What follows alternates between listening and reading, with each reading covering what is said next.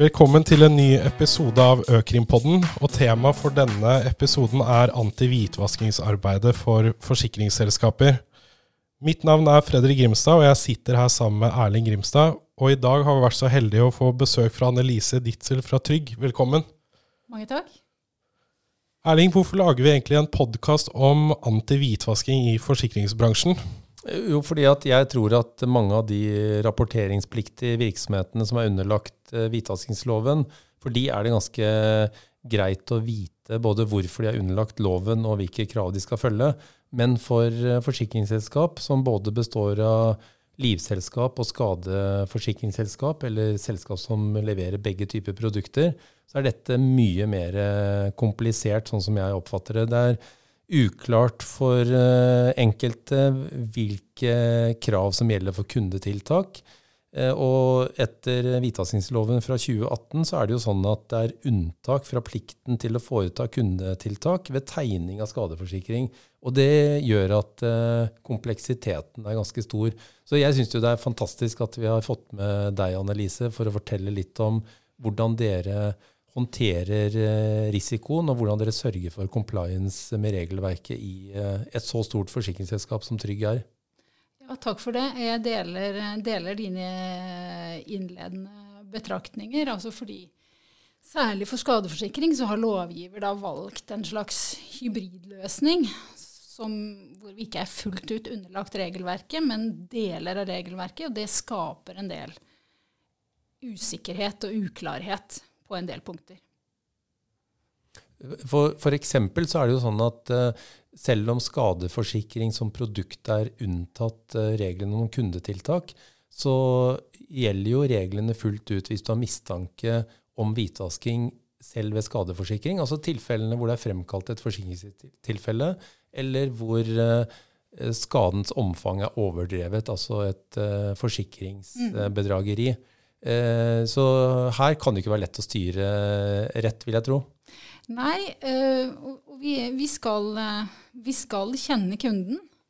Men samtidig så skal vi ikke gjøre innledende kundetiltak. I hvert fall ikke i hoveddelen av tilfellene ved tegning av forsikring. Men vi skal reagere hvis vi får en mistanke. Og da er jo spørsmålet hvordan kan du bli satt på en måte i stand til å avdekke mistenkelige forhold hvis du ikke har gjort noen undersøkelser innledningsvis. Mm. Hvordan kan eh, et forsikringsselskap typisk bli misbrukt til hvitvaskingene? Ja, um, det er jo flere, flere, måter. Altså, omfanget av den svarte økonomien er jo stor i, i, i Norge og i verden for øvrig. Og um, og man bruker jo gjerne da de pengene som man, eller det utbyttet man får fra svart økonomi eller andre straffbare handlinger, de bruker man jo gjerne for å anskaffe seg verdier. Fast eiendom, biler, båter, motorsykler, smykker, dyre klokker, vesker osv. Veldig mye av dette her blir jo forsikret nettopp i skadeforsikringsselskapene. Og, og hvis forsikringsselskapet da utbetaler erstatning for en eller hel eller delvis skade på noen av disse verdiene, så er vi da med på å hvitvaske. Mm.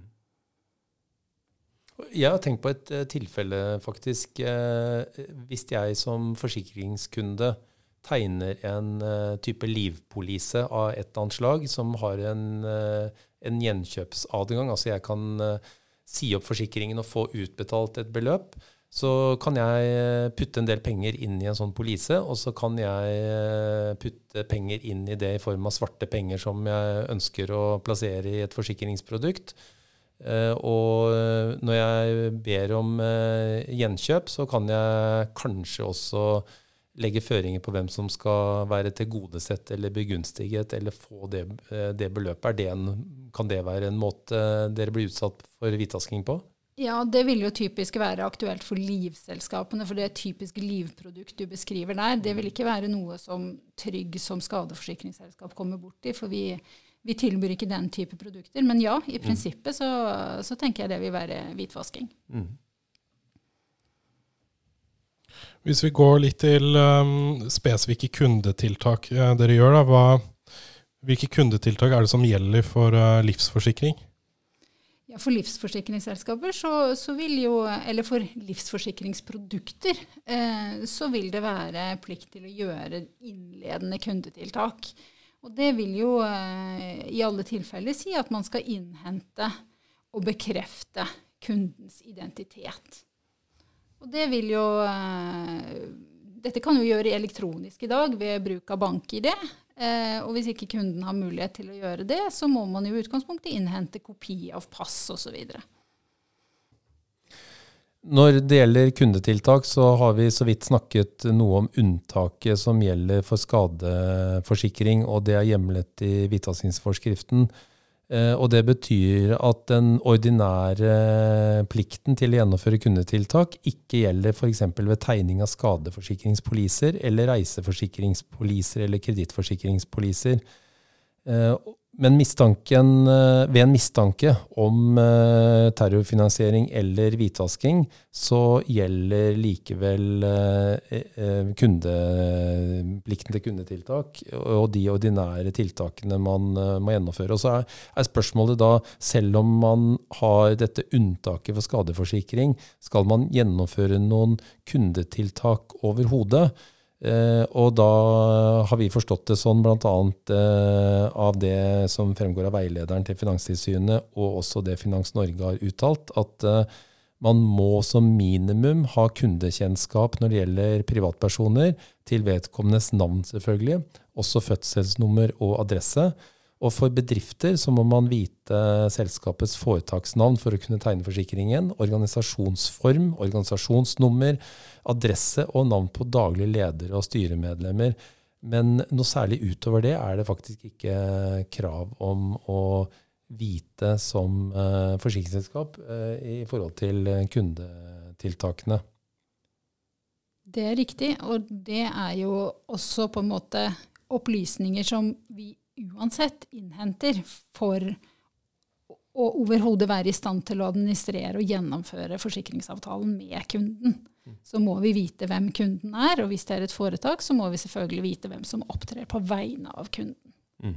Så det betyr i realiteten at først når dere får en mistanke om uh, hvitvasking foretatt av en kunde som har en avtale om skadeforsikring, da må dere sette i gang uh, det andre kaller en onboardingsprosess for fullt, da, med alle kundetiltakene? Ja, da går vi egentlig rett i forsterkede kundetiltak, vi, når vi har en mistanke. Mm. Mm. Ja, vi har sagt litt om kundetiltak, men Annelise, hva er deres hovedforpliktelser som et uh, forsikringsselskap? Ja, um Altså For forsikringsselskaper generelt, både liv og skade, så, så, må jo begge foretakene de må jo gjøre en virksomhetsinnrettet risikovurdering. Eh, og Det er for så vidt en forpliktelse som er felles for alle rapporteringspliktige finansforetak. Eh, men som, som, Erling sa, så er, er, det jo da ingen krav til innledende kundetiltak i, i skadeforsikring som hovedregel. Men hvis vi får en, eh, får en, mistanke, så er det jo da forsterket kundekontroll eh, det handler om. Og da, da, vil vi innhente informasjon om kundens identitet og bekrefte den. Og, og, det samme vil altså gjelde i forhold til reelle rettighetshavere. Og det må også avklares om kunden er en politisk eksponert person. Eh, loven krever også at vi skal innhente informasjon om kundeforholdets formål og tilsiktede art. Eh, men i skadeforsikring eh, så vil jo det på en måte normalt si seg selv. Altså du skal forsikre bilen din eller huset ditt, sånn at det vil vi normalt sett ikke, ikke spørre om. Uh, ja, og når vi da er i en prosess med forsterkede kundetiltak, så sier jo loven også at man skal gjøre ytterligere nødvendige tiltak. Men, men, hva det er, det sier ikke loven noe om. Så det må jo foretaket da egentlig vurdere konkret i hvert enkelt tilfelle. Men, men det vil jo uh, være en del informasjon som vi innhenter som vil være mer eller mindre standard. da. Og generelt så er det jo sånn at det er mer informasjon som er allment tilgjengelig når det gjelder næringsdrivende kunder, enn når det gjelder private kunder. Eh, som hovedregel så bør vi forsøke å spørre kunden. selv eh, om den informasjonen som vi er på jakt etter. Ellers så kan vi jo innhente informasjon fra åpne registre, foretaksregistre, enhetsregistre, regnskapsregistre, motorvognregistre, eiendomsregistre osv.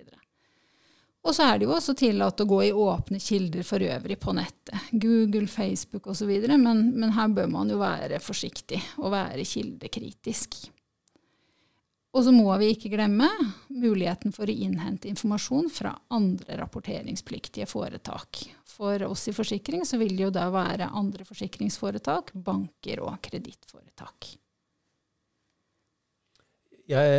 for å følge opp det litt, så tenker jeg Annelise, på eh, andre typer hovedforpliktelser også. Altså, du har snakket litt nå om kundetiltakene og, eh, og, den biten som gjelder da mer eh, tradisjonelle kundetiltak. Men hvis vi liksom flytter oss eh, litt opp i et større perspektiv, så har dere fortsatt et krav på dere til å lage en risikovurdering. Ja, ja, så dere absolutt. må lage risikovurdering. Dere må også lage en policy i forhold til antihvitvasking, og dere må ha rutiner i forhold til antihvitvasking. Og dere mm. skal også etterleve plikten til å gjennomføre undersøkelse av mistenkelige aktiviteter eller mistenkelige transaksjoner. Og dere har en rapporteringsplikt hvis ja, undersøkelsen ikke avkrefter mistanken. Mm. Så mange av disse hovedforpliktelsene, som er en utfordring for flere rapporteringspliktige, det hviler fortsatt på dere. Kan du ikke si litt om hvordan har dere gjort det hos dere i Trygg når dere har arbeidet uh, med uh, hvitvaskingstiltakene og etterlevelsen av hvitvaskingsregelverket? Ja, altså For å begynne med risikovurderingen, da.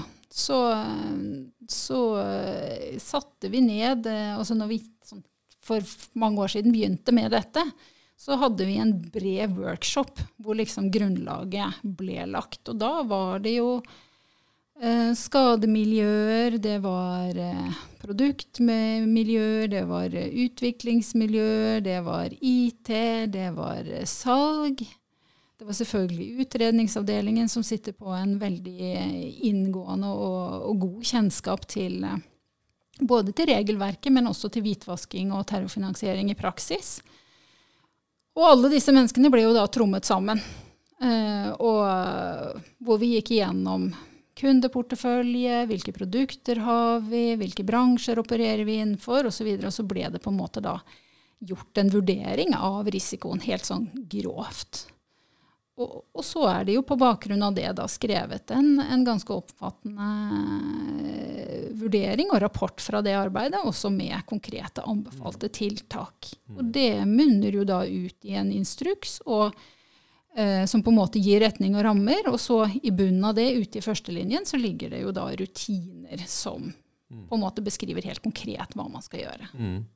Bare ett spørsmål jeg har til dette med utarbeidelse av risikovurdering. fordi at dere bruker jo også forsikringsagenter mm. som tegner forsikring mot kundene på mm. deres uh, vegne. Mm. Uh, er det noe i den såkalt iboende risikoen, altså måten dere er organisert på, måten dere opererer på, som for bransjen er en utfordring når det kommer til å beskrive risikoen for å bli utsatt for hvitvasking? Jeg tenker at man må, man må se det, det, er nok, En forsikringsagent er ikke en forsikringsagent. Man har mange forskjellige typer agenter tenker jeg, i de ulike foretakene. Og noen har man på en måte tett, knyttet veldig tett til seg. Eh, og som har fått samme opplæring som, som egne selgere osv. Og, og som faktisk også er ute og møter kunden personlig. Og der ser vi ikke for oss at det er noen forhøyet risiko i det hele tatt. Eh, kanskje faktisk eh, tvert imot. Eh, men man kan jo kanskje tenke seg på, på, andre agenter som har et mer begrenset produktspekter, eh, og som på en måte litt, kan være fjernere, ikke så tett knyttet til selskap, at, at kanskje risikoen kan, kan, være større der. Men vi har egentlig ikke konkrete holdepunkter for det. Mm. Og dette med håndtering av risiko, når det først kartla risikoen, og det regner jeg med er en sånn løpende oppgave å hele tiden eh, holde kontroll med, med risikoen for hvitvasking. Men kan du si litt om hvordan dere håndterer risikoen? For jeg forstår at dere har knyttet håndteringen av risikoen til ulike typer elementer i, i virksomheten deres. Ja. Um vi, når, vi, når, vi, startet arbeidet med risikovurderingen, så hadde vi jo um, også forsøkt å orientere oss litt i forhold til hva sier eh, Finanstilsynet, hva sier Økokrim hva, hva, altså om risikoutsatte bransjer osv. Eh, og så gikk vi jo da inn i våre egne bøker for å se har vi noen av disse bransjene hos oss. Eh, har vi noen produkter hos oss som, som vi tenker representerer en forhøyet risiko? Og svaret var jo at det hadde vi i en viss utstrekning. Og da handler det jo om at man både ved tegning av forsikring og, og ved behandling av skadesaker gjør noe ekstra da, for å avdekke om det i tilknytning til disse forhøyede altså disse situasjonene med en forhøyet risiko, at, at man på en måte kanskje går litt grundigere inn i det. da. Har dere f.eks. en uh, skreddersydd opplæring for ansatte i selskapet om risikoen? Ja, kan du si har, litt om hvordan dere gjør det? Ja, Vi har en e-læring som vi holder på å revidere i, uh, i disse dager.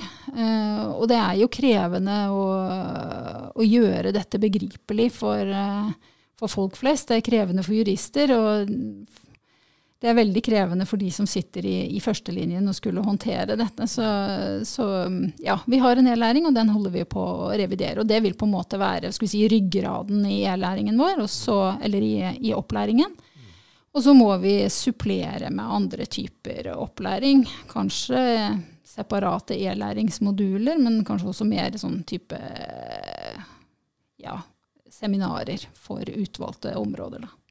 Og så eh, går jeg ut ifra at dere har en intern eh, rapportering eller en måte å rapportere på håndtering av risikoen, altså som en del av internkontrolltiltakene. Mm. Mm. Eh, og nå begynner jeg sikkert å spørre om ting som eh, også er forretningshemmeligheter, som du kanskje ikke vil dele engang. Men er det noe du kan fortelle mer generelt om hvordan dere har innrettet deres egen rapportering på dette området? Altså, um, Forsikringsforetak er jo underlagt Solvens 2-regelverket, sånn at vi, vi følger det opplegget for både når det gjelder, eh, ja, når det gjelder rapportering særlig, og, og, også hvordan vi organiserer oss. I hovedtrekk så, så, forsøker vi på en måte å følge den malen, for ikke å, at ikke hvitvasking skal bli noe som ligger på siden av alt annet. For da dør det jo bare. Vi har hørt litt om uh, organisering og arbeidet rundt uh, antihvitvasking. Og for å berolige folk, så vil vi også i senere episoder ta for oss spesifikt risikovurdering, rutiner, organisering og lignende. Men, eh, men eh, noe annet, Annelise. Hvordan oppdager dere mistanke om eh, hvitvasking? Ja, altså Tradisjonelt så har vi jo avdekket det i forbindelse med saker hvor vi har en mistanke om forsikringsbedrageri. Og da blir det jo gjerne sånn at vi ser at hei, her var det jo faktisk hvitvasking i, i samme slengen. Uh, men, men, det vi uh, forsøker å få til uh, nå, da, gjennom de siste arbeidet vårt nå forholdsvis nylig, det er jo at vi bruker risikoindikatorer veldig aktivt både altså ved inntegning og gjør da ytterligere undersøkelser rutinemessig for de bransjene som vi har flagget med, med høy risiko, typisk. Eller hvis det er produkter som, som, har en forhøyet risiko for hvitvasking, så er det rutiner for at dette skal vi undersøke nærmere. Det kan f.eks. være på verdigjenstandsprodukter at vi vil kreve dokumentasjon for eh, anskaffelsen hvis den gjenstanden overstiger en viss verdi. Eller så kan det være at vi har indikatorer knyttet til visse bransjer og visse selskapsformer, eller da kombinasjoner av disse. Um, ja. Jeg har et spørsmål til uh, utrederfunksjon i skadeforsikringsselskapet. Eh, fordi at eh, mange er jo kjent med at eh, i forsikringstilfeller som du nevner nå, hvor det er mistanke om forsikringssvik eller forsikringsbedrageri, så er det egne utredere som gjør en videre undersøkelse. Har utrederne noe spesiell plass eller posisjon i antihvitvaskingsarbeidet til et skadeforsikringsselskap, sånn som du ser det? Ja, det har de i Trygg, og det tror jeg de har i, i, i mange av de andre forsikringsforetakene også. Um, og det er jo fordi at når man går i forsterket uh, altså skal i gang med forsterkede kundetiltak, så krever det ganske omfattende undersøkelser som det er fornuftig å legge til en enhet som er vant til å gjøre dette. Og det er typisk da utredningsavdelingene, mm. som har uh, gode prosedyrer og, og, er vant til å jobbe på den måten. Mm. Så vi tenker at det er en trygghet både for, uh, for foretaket og for kundene, faktisk. Mm. Kan du dele noen erfaringer fra deres arbeid med etterlevelse av hvitvaskingsregelverket? Ja, altså det er jo veldig krevende, dette her.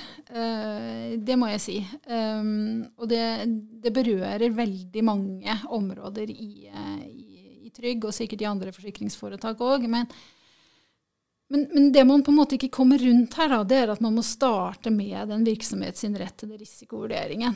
Og, um, og det kan virke kanskje som en litt sånn teoretisk øvelse, men, men, det er helt nødvendig at man rett og slett går inn i det, og at man gjør det altså Som jeg sa, det berører mange, sånn at man må ha, gjøre det som en bred øvelse, og ikke la juristene sitte med dette nærmest som en sånn skrivebordsoppgave. Uh, så man må inn og involvere skade, produkt, uh, salgsmiljøer osv. Uh, for å finne de risikoene man har. Og så må man nedfelle dette i et skriftlig dokument. Og eh, Finanstilsynet er jo veldig opptatt av denne risikovurderingen. sånn at hvis man får et kontrollbesøk derfra, så må man bare være innforstått med at den risikovurderingen den vil få mye oppmerksomhet. Og da er det jo viktig at man også kan vise at de anbefalte tiltakene man har, at de også er da fulgt opp ute eh, gjennom rutiner osv. Og, og, altså Måten man skal nærme seg den oppgaven, det er jo eh, Det vil jo sikkert variere litt fra det ene foretaket til det andre, men man må rett og slett vurdere hvilken kundemasse er det vi har. Hva består porteføljen vår i? Hvilke bransjer dreier det seg om? Hva slags selskapsformer er det? Hvilke produkter har vi? Hvilke distribusjonskanaler opererer vi innenfor? Og så må man forsøke, da, Hvis man finner en risiko, så må man forsøke å finne tiltak som kan ta den risikoen ned til et akseptabelt nivå. Og Noen ganger så må man kanskje rett og slett avstå fra å tilby visse produkter eller tjenester, eller at man må gjøre justeringer i de. Det måtte Trygg gjøre i forhold til ett av våre produkter. Da fjernet vi ett element i forsikringsdekningen. Um, så, så, er det Siden skadeforsikring da er, har en sånn slags hybridløsning, så vil det for skadeforsikring, når man kommer inn i de konkrete til kundetiltak og skal gjøre da en forsterket kunde, kundekontroll, så kan det være vanskelig å stille kunden spørsmål, fordi at man kan komme i konflikt med hvitvaskingslovens forbud mot å avsløre at man gjør undersøkelser. Og da må man vurdere andre muligheter for informasjonsinnhenting. Som jeg sa, så er det mulig å innhente mye fra diverse offentlige register og, og åpne kilder på, på nettet. Eh, men hvis man fortsatt da kommer til kort, altså man får ikke gjennomført eh, full kunde, kundetiltak uten at det på en måte står på kunden, så kan det hende at man kanskje må opprette kundeforholdet. Eh, men da sette det under en forsterket løpende oppfølging, og eventuelt da vurdere å rapportere til, til Økokrim.